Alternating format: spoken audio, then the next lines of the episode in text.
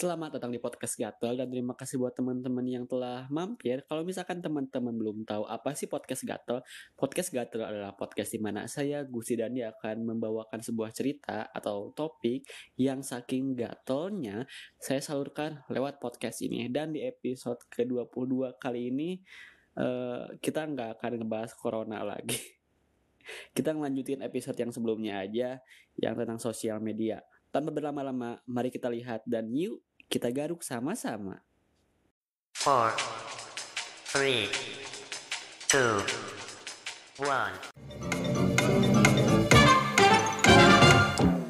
Latar belakang saya buat podcast ini, episode kali ini gitu, uh, karena tanggung aja gitu. Di episode sebelumnya kan saya udah buat tentang fake di sosmed. Ya kenapa nggak dilanjut aja yang tentang sosial media juga? Toh ini kan tentang persosmedan duniawi kan. Topiknya deket-deket dari kehidupan kita deket banget malah. Jadi ya dilanjut aja gitu. Uh, terus juga saya pernah nyinggung topik tentang dikontrol ini di episode 17 dengan judul kenapa harus berhenti sejenak kalau nggak salah. Teman-teman juga boleh mampir kalau udah dengerin podcast ini sampai akhir. Uh, pas itu saya singgung rasa kasihan saya ke orang-orang yang kecanduan game tapi nggak ngasilin sesuatu buat dirinya sendiri. Malahan dia harus beli item ini item itu biar skillnya cepet naik gitu skill karakternya. Padahal kan skill mah gimana kita aja yang maininnya ya percuma karakter bagus banget. Kalau misalkan kita mah nggak bisa maininnya juga percuma. Terus kita harus login tiap hari biar bisa klaim hadiah atau ikut event biar dapat hadiah juga. Supaya menjadi nomor satu top global mainin berjam-jam nggak tahu waktu. Jadi game itu kayak hal yang utama aja kasihan saya mah. Uh, kalau ngasilin value nggak apa. Uh, kalau misalkan teman-teman jadi produktif malah bisa jadi uh, apa ya bisa jadi pekerjaan utama boleh boleh. Nah ini kalau enggak gimana? Bukannya sok suci karena saya juga pernah merasakan hal yang sama yang bakal saya sambil bahas uh, pas berjalannya di episode ini.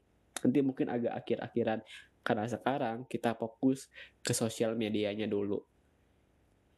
Uh, saya mau ini teman-teman mau kasih data gitu biar biar lebih kredibel aja. Biar biar, kelihatan kerjanya niatnya dikit gitu ya.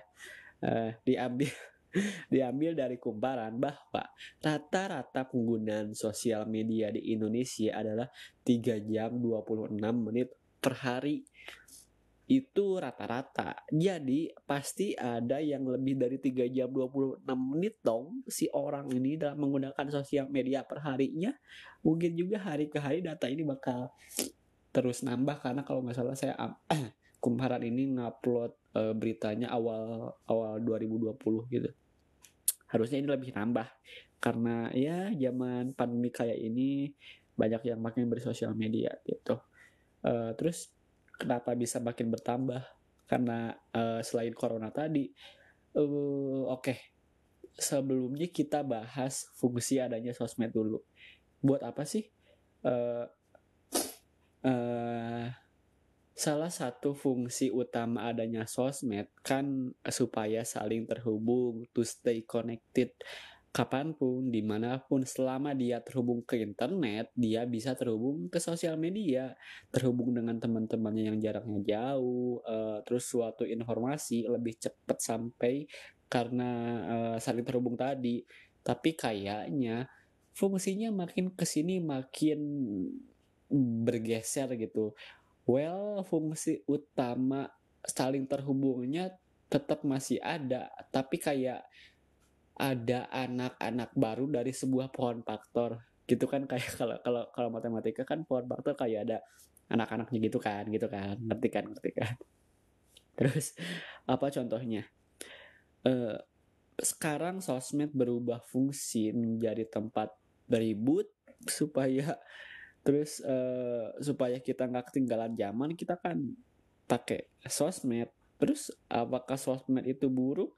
No, sosmed nggak buruk karena dari saat penciptaannya memang baik tujuannya tujuannya positif uh, terus kan sosmed juga yang tadi positif uh, punya apa sih apa sih namanya teh uh, punya dampak positif juga uh, kayak bisa membuat kita uh, menambah ilmu terus uh, apa ya bisa membuat orang mendapatkan sebuah pekerjaan atau yang positif-positif lainnya lah banyak banget gitu. Tapi di episode kali ini saya nggak akan membahas positifnya. Kenapa? Karena gatel saya kan di yang negatifnya aja. Terus kan ketahuan juga dari judulnya dikontrol oleh sosial media itu kan nggak ada positif-positifnya gitu.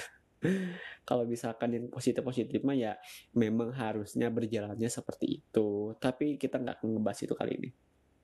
Uh, terus fungsi sosmed yang bergeser tadi secara nggak langsung perlahan demi perlahan membuat seseorang kecanduan. Kenapa jadi kecanduan? Karena dorongan dari dalam dirinya yang enggak mau ketinggalan berita tadi bukan hanya berita berita lagi ya. Bukan maksudnya berita ya ya ya berita gitu kayak kayak berita di TV acara-acara berita gitu bukan.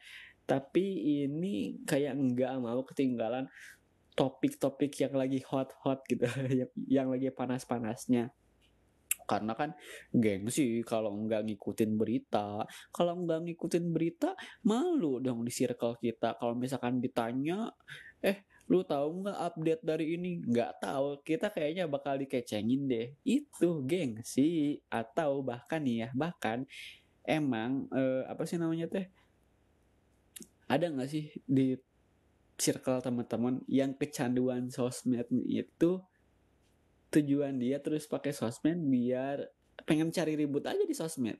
Caper gitu orangnya butuh pengakuan. Kayaknya Leo deh. Leo kan butuh pengakuan. Ada nggak sih circle teman-temannya kayak gitu? Kayak kalau sehari aja gitu lewat nggak pakai sosmed. Langsung kayak ada yang kurang afdol gitu. Hingga akhirnya uh, dia mengalami sebuah peristiwa ya sesuai judul. Dikontrol sosial media. Dapatkan maksudnya. Dikontrol sosial media uh, awalnya dia kayak dalam dorongan ada ada dorongan dalam dirinya. Kalau misalkan nggak pakai sosmed itu uh kayak gimana? gitu. Ketinggalan zaman banget. Terus apa sih ciri-cirinya? Uh, ya tadi ada dorongan dalam dirinya. Dia harus mengakses sosial media agar tetap terhubung walau tujuannya beda gitu ya banyak tujuannya bukan tujuan yang baik. Contoh nyata deh, apa sih? Pas bangun, ngapain? Ngambil HP, ngecek sosmed, biar nggak ketinggalan zaman dan merasa sosmed itu sesuatu yang paling dekat karena ada di HP. Di HP kan langsung ambil gitu di meja samping tempat tidur kita. Padahal kan sosial media itu maya gitu, maksudnya bukan bukan real life lah di internet. Terus uh, timbul kan pertanyaan apakah mereka merasa happy ketika terhubung? Apalagi uh, ketika pagi saat mereka bangun gitu terus langsung sosial sosial media apakah mereka happy? Ada yang happy tapi ada juga yang enggak happy. Jadi 50-50 gitulah. Malah sebaliknya orang-orang yang dikontrol sosial media ini agar nggak mau ketinggalan zaman ngelihat tren masa kini. Uh, apa sih contohnya? Satu aja gitu. Fashion. Uh, dengan misi agar tidak ketinggalan zaman tadi karena gengsi or I don't know dia jadi nggak pede sama dirinya karena orang-orang yang dilihat di sosmed bajunya bagus-bagus sneakersnya pada hype uh, mereka pada beli baju di store yang branded. Nggak pede aja dia insecure. So dia mikir harus punya barang-barang yang sama atau bahkan lebih bagus gitu loh. Tapi sayangnya dia ini nggak punya uang. Akhirnya agar tetap ngikutin trending dan punya barang-barang yang sama biar nggak kelihat eh, nggak ketinggalan zaman tadi sorry. Uh, dia menghalalkan segala cara. Contohnya apa? Ya beli barang KW bentukannya sama tapi kan kualitasnya beda. Ya bodo amat. Orang kan ngelihat dari luarnya bentukannya. Ya sikat aja lah ya. Barang KW itu hanya agar derajatnya sama gitu Tapi lama kelamaan dia bakal makin insecure karena dia tahu barangnya KW. Gimana kalau misalkan ketahuan? Karena setahu dia teman-temannya itu barang-barangnya asli. padahal padahal mah teman-teman teman-temannya barangnya KW juga coba. Plot twist yang aneh. Terus akhirnya dia menghalalkan segala cara lagi minta ke orang tua dan hal-hal buruk yang lainnya lah menjual diri atau iya iya yang kayak gitu gitulah itu karena sosial media sosial media. Dan saya baru ngasih satu contoh loh. Yang lainnya banyak banget. Bukan cuma fashion banyak banget faktornya. Dengan sosial media coba yang salah satu uh, lagi heboh ini apa sih Trump sama Twitter lagi mau perang atau apa gitu. Sosial media uh, sosial media. Kenapa nggak ketemu langsung aja gitu? Sosial media. Siapa sih sosial media ini? Terus uh, suatu hari ini akhirnya akhirnya. Akhirnya suatu hari dia sadar dia sadar dah uh, dia sadar dikontrol oleh sosial media. Dia sadar bahwa itu emang toksik dia sadar bahwa semua itu nggak ada value-nya. Dia sadar sosmed itu maya. Dia sadar bahwa waktunya terbuang sia-sia. Sadar apa lagi? Terus apa yang harus dia lakukan? Apakah meninggalkan sosial media? Begitu aja gitu. Kayaknya itu langsung beda 180 derajat banget enggak sih kayak yang asalnya kecanduan dikontrol oleh sosial media jadi meninggalkan gitu gitu. Kan kayak sulit banget gitu ya. Makanya yang lebih tepat mungkin bukan meninggalkan sosial media. Yang harus dia lakukan adalah mengontrol diri dirinya dalam menggunakan sosial media. Banyak fitur di HP yang bisa ngebantu kita uh, mengontrol sosial media kayak digital well-being atau apa gitu banyak lah pokoknya mah. Kayak apa ya misalkan contohnya ada notif di si aplikasi yang kita pasang di HP teh oh penggunaan Instagrammu udah segini gitu ya. Kasarnya kasarnya dia ngomong gitu si aplikasinya. Tapi si kampret ini malah mengabaikan notifikasi itu alasannya ya tanggung lah 5 menit lagi. Emang sih relatable banget kita bisa nunda hal yang lebih penting hanya karena sosial media gitu. Tapi kita cuman lihat lihat lihat aja. Nggak nggak ada apa nggak ada yang menginspirasi cuman uh, oh si ini update ini di like. Ya udah ya udah gitu ya udah gitu. Saya salut ke orang-orang yang bisa menahan pakai sosial media uh, atau mengontrolnya gitu atau bahkan nggak pakai sosial media ada juga gerakan uh, bukan gerakan sih kayak apa ya habit? Enggak uh, uh, uh, anggaplah sebuah keputusan gitu ya. Beberapa orang memutuskan dirinya untuk quit sosial media for 30, for 30 days. Jadi nggak uh, pakai sosial media selama 30 hari itu bagi saya wow banget. Karena iya sebulan itu tahu gitu nggak akan kerasa. Tapi karena adanya sosmed ngebantu kita agar waktu itu nggak kerasa. Coba yang dari data kembaran tadi 3 jam 26 menit itu kan lumayan banget gitu. Biar waktu nggak kerasa. Tapi ini kalau misalkan kita nggak sosmedan gitu apa yang dilakuin kalau misalkan kita memutuskan untuk uh, berhenti sosial media. Bengong kayak nggak mau ngapain gitu. Karena kita mah sehari-hari nggak pakai sosmed itu kayak udah sakau. Karena emang sosmed itu bikin kecanduan teman-teman. Yang sekarang itu yang bahaya bukan cuma kecanduan rokok, alkohol, narkoba, tapi termasuk sosial media dibutuhkan niat untuk agar kita bisa memiliki kontrol dalam bersosial media. Kita bisa aja langsung uninstall IG gitu. Tapi karena niat yang enggak teguh, balik lagi pakai Instagram. Lah kan Gus, Instagramnya udah dihapus eh kan nginstal lagi Instagram nggak nyampe 5 menit sulit sulit. Makin sulit rasanya kalau kita merasa nggak bisa hidup tanpa sosial media itu kayak kita dengan sengaja aja menautkan diri kita agar dikontrol. Padahal sebelum ada sosmed banyak dari teman-teman kita yang fine fine aja fine fine aja. Hidup mereka masih biasa gitu. Apalagi dulu apalagi dulu apalagi dulu kok jadi belibet apalagi dulu dulu gitu ya. Kalau misalkan informasi kayaknya sulit banget didapetin nggak kayak sekarang. Salut buat generasi ya berapa sih 80-an 90-an gitu. Atau sampai sekarang yang nggak pakai sosmed secara berlebihan. Terus balik lagi ke challenge. Nah challenge bukan memutuskan challenge. 30 days quit social media challenge. Ya itulah bahasa Inggrisnya uh, apakah berhenti menggunakan sosial media selama 30 hari cocok untuk semua orang? Enggak. Tapi apa patut dicoba? Harus.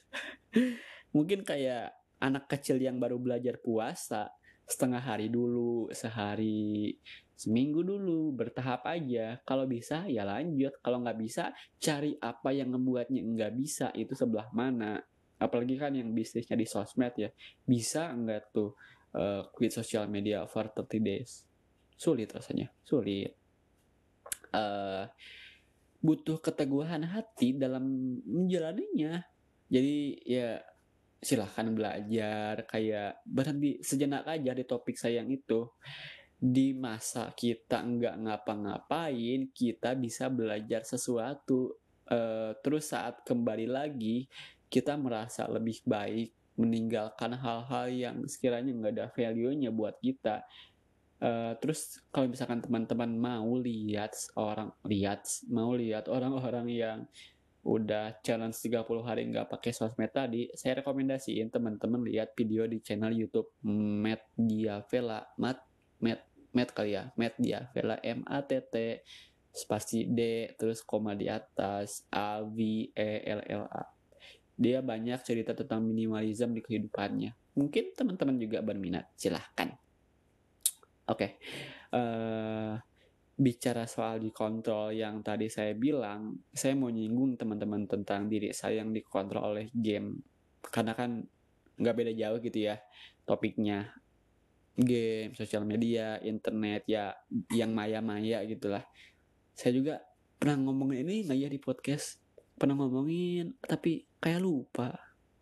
Ya apa ya? Ngomongin aja lah. Sekali lagi nggak apa-apa kali ya. Jadi gini. Dulu tuh saya pas kelas 8 kelas 8 SMP uh, lagi ada kan game-game Facebook lagi booming gitu ya. Kayak stikan terus baseball heroes terus apa sih Lost Saga gitu ya apa sih lupa gitu.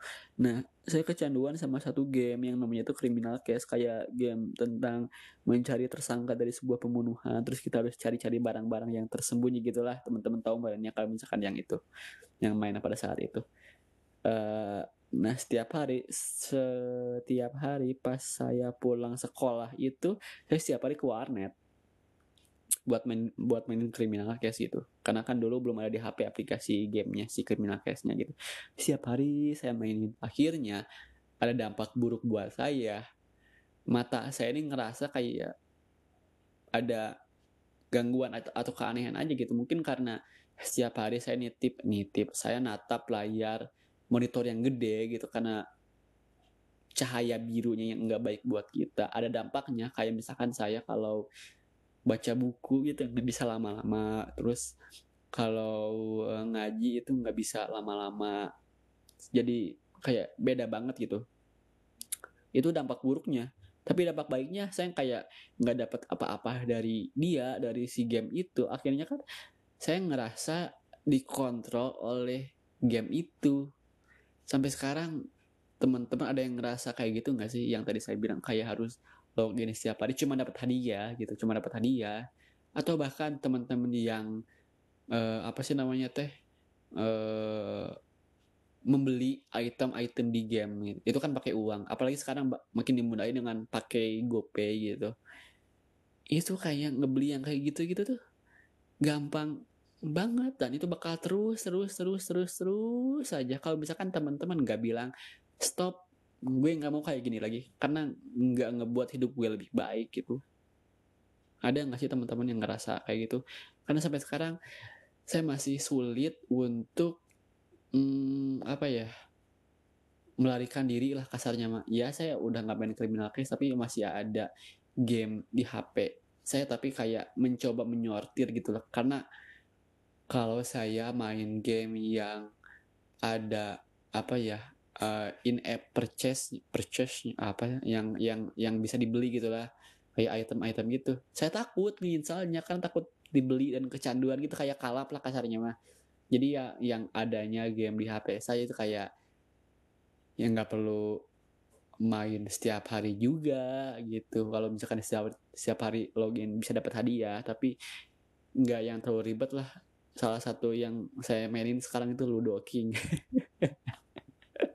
Ludo King ya ya, ya main Ludo yang bisa dapat ngebunuh waktunya juga mungkin satu game bisa 30 menit gitu tapi nggak ngebuat kecanduan juga buat saya kayak gitu. Teman-teman gimana? Ada nggak sih yang ngerasa sampai sekarang masih dikontrol dan ngerasa gitu sadar dikontrol tapi tetap ngejalanin aja ya udah ya udahlah gitu. Pikirin itu baik-baik. Kalau misalkan nggak ada value-nya tinggalin itu dikontrol gitu ya uh, terus baik lagi ke tadi. Itu kan udah, udah, ceritanya. Sekarang baik lagi ke sosmed. Mau closingan nih. Adanya adanya sosial media adalah efek globalisasi. Seharusnya kita menggunakannya dan dan dan dan dan kebelibet gitu ya? Seharusnya kita menggunakannya dan memanfaatkannya dengan benar dengan baik. Dan yang tadi dibahas diperlukan kemahiran dalam tanda kutip agar kita nggak dikontrol oleh sosial media. Karena dikontrol itu nggak enak teman-teman. Kita kayak nggak punya kuasa aja. Walau misalkan sebenarnya bisa tapi kita lebih memilih pasrah untuk terus dikontrol untuk terus dikuasai buat yang masih merasa dikontrol sosial media.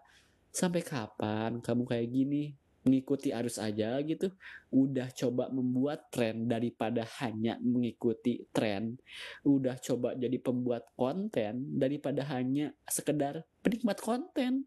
Oke. Okay gitu aja sih di episode 22 kali ini pembahasan tentang dikontrol oleh sosial media. Semoga teman-teman mendapatkan value dari topik yang saya bawakan. Terima kasih buat teman-teman yang telah mampir. Uh, podcast ini bisa didengarin di Spotify dengan judul podcastnya podcast gatel terus kalau misalkan teman-teman mau cari saya di sosial media saya ada Instagram dan Twitter Instagram saya tempat saya potret-potret gitu. Ya sih, Instagram kan memang buat posting foto gitu, tapi ini potret, gitu. saya suka foto-foto. Terus di Twitter isinya itu tentang kegatelan saya juga, kegatelan saya juga tapi pendek gitu. Kayaknya terlalu pendek kalau misalkan saya upload ke sosmed gitu. Sekali lagi terima kasih buat teman-teman yang telah mampir. Sampai bertemu di episode selanjutnya. Saya Gusi dan dipikirkan dan lakukan. thank